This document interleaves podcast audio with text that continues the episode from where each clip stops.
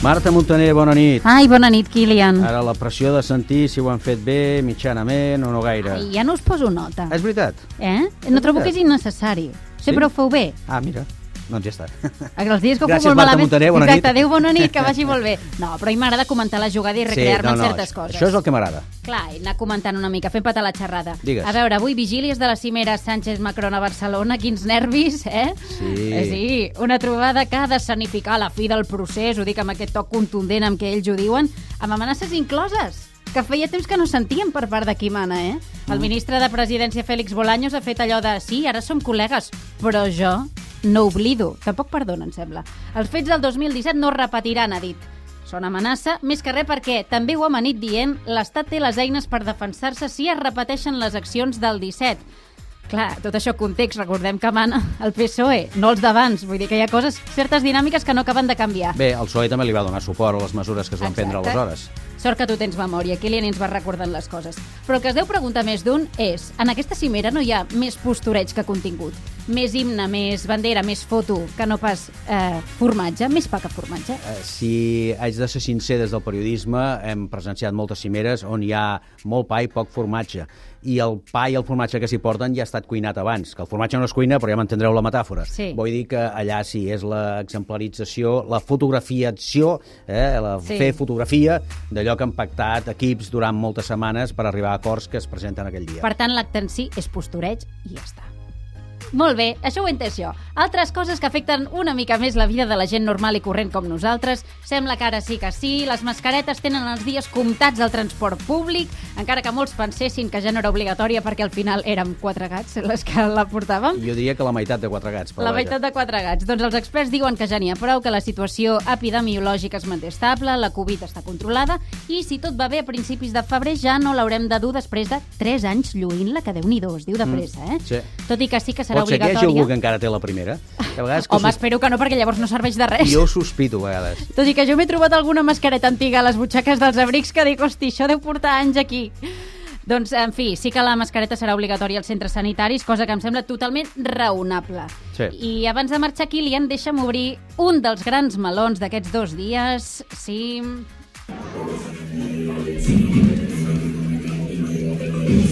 Això és el meló. Això és el meló. I és un meló que em fa tanta mandra eh, i en el qual tampoc hi tinc una opinió gaire clara, eh? però que ha escandalitzat els mitjans i certs sectors de la població i he pensat toca parlar-ne al Catalunya Nit. Estem sentint el so ambient del vídeo viral d'una discoteca de Barcelona on es Sí. veuen menors ballant, així una mica en fila. Mm. El que es coneix popularment com el twerking, que és un tipus de ball en el qual es remena molt el cul, Sí. hi ha molt moviment pèlvic, hi ha molt frec a frec, hi ha molt contacte. Doncs bé, hem hagut d'aguantar opinions de tertulians criminalitzant les noves generacions dient coses tipus quin futur podem esperar amb jovent així, també criminalitzant la música dient tot és culpa de la música que escolten, i a veure, en primer lloc, ni el reggaeton ni el dembow són culpables de res. Si hem de buscar responsables, potser els hem de buscar en la manca d'educació sexual d'aquest país, no només dels adolescents, sinó també dels adults que veuen aquest vídeo amb una mirada sexualitzant i amb el barret posat d'agents morals, que és el que es pensen tots. El problema que jo trobo que hi ha en aquest vídeo és que la discoteca no té els permisos val? Sí. per estar oberta. I Està, que està inscrita com a oficina. Imagina't tu! I també que s'ha tornat a difondre una vegada més material de gent que és menor d'edat. I llavors, la meva reflexió, i abans ho estàvem comentant Kilian també, aquesta tarda, sempre, a cada època, hi ha hagut balls de fregamenta de cuixes a les discoteques. Per tant, jo faria una crida a la calma, no estem veient res nou. El que passa és que sí que han canviat altres coses, com per exemple la tecnologia. Sí, això no hi era abans. Clar. I no filmàvem res i, per tant, no sortia tot allò que gairebé tothom ha fet de, entre cometes, una mica més boig. O, Sí, o remenar el cul. És que això s'ha fet sempre. Sí, sí, això és Segur que tu també ho feies, Kilian, a la teva època. El xatxatxan se't donava molt bé. És que tu balles molt bé. Això m'ho has dit alguna vegada. Sí. Eh, I, a més a més, no cal anar gaire lluny, o sí molt, per notar coses com aquesta.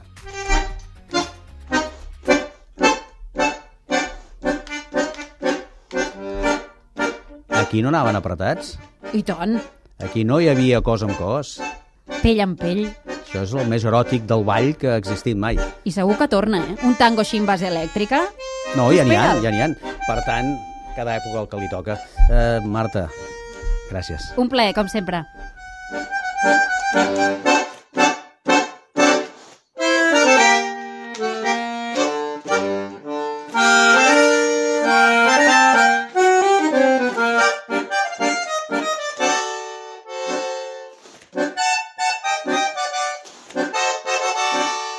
Thank you.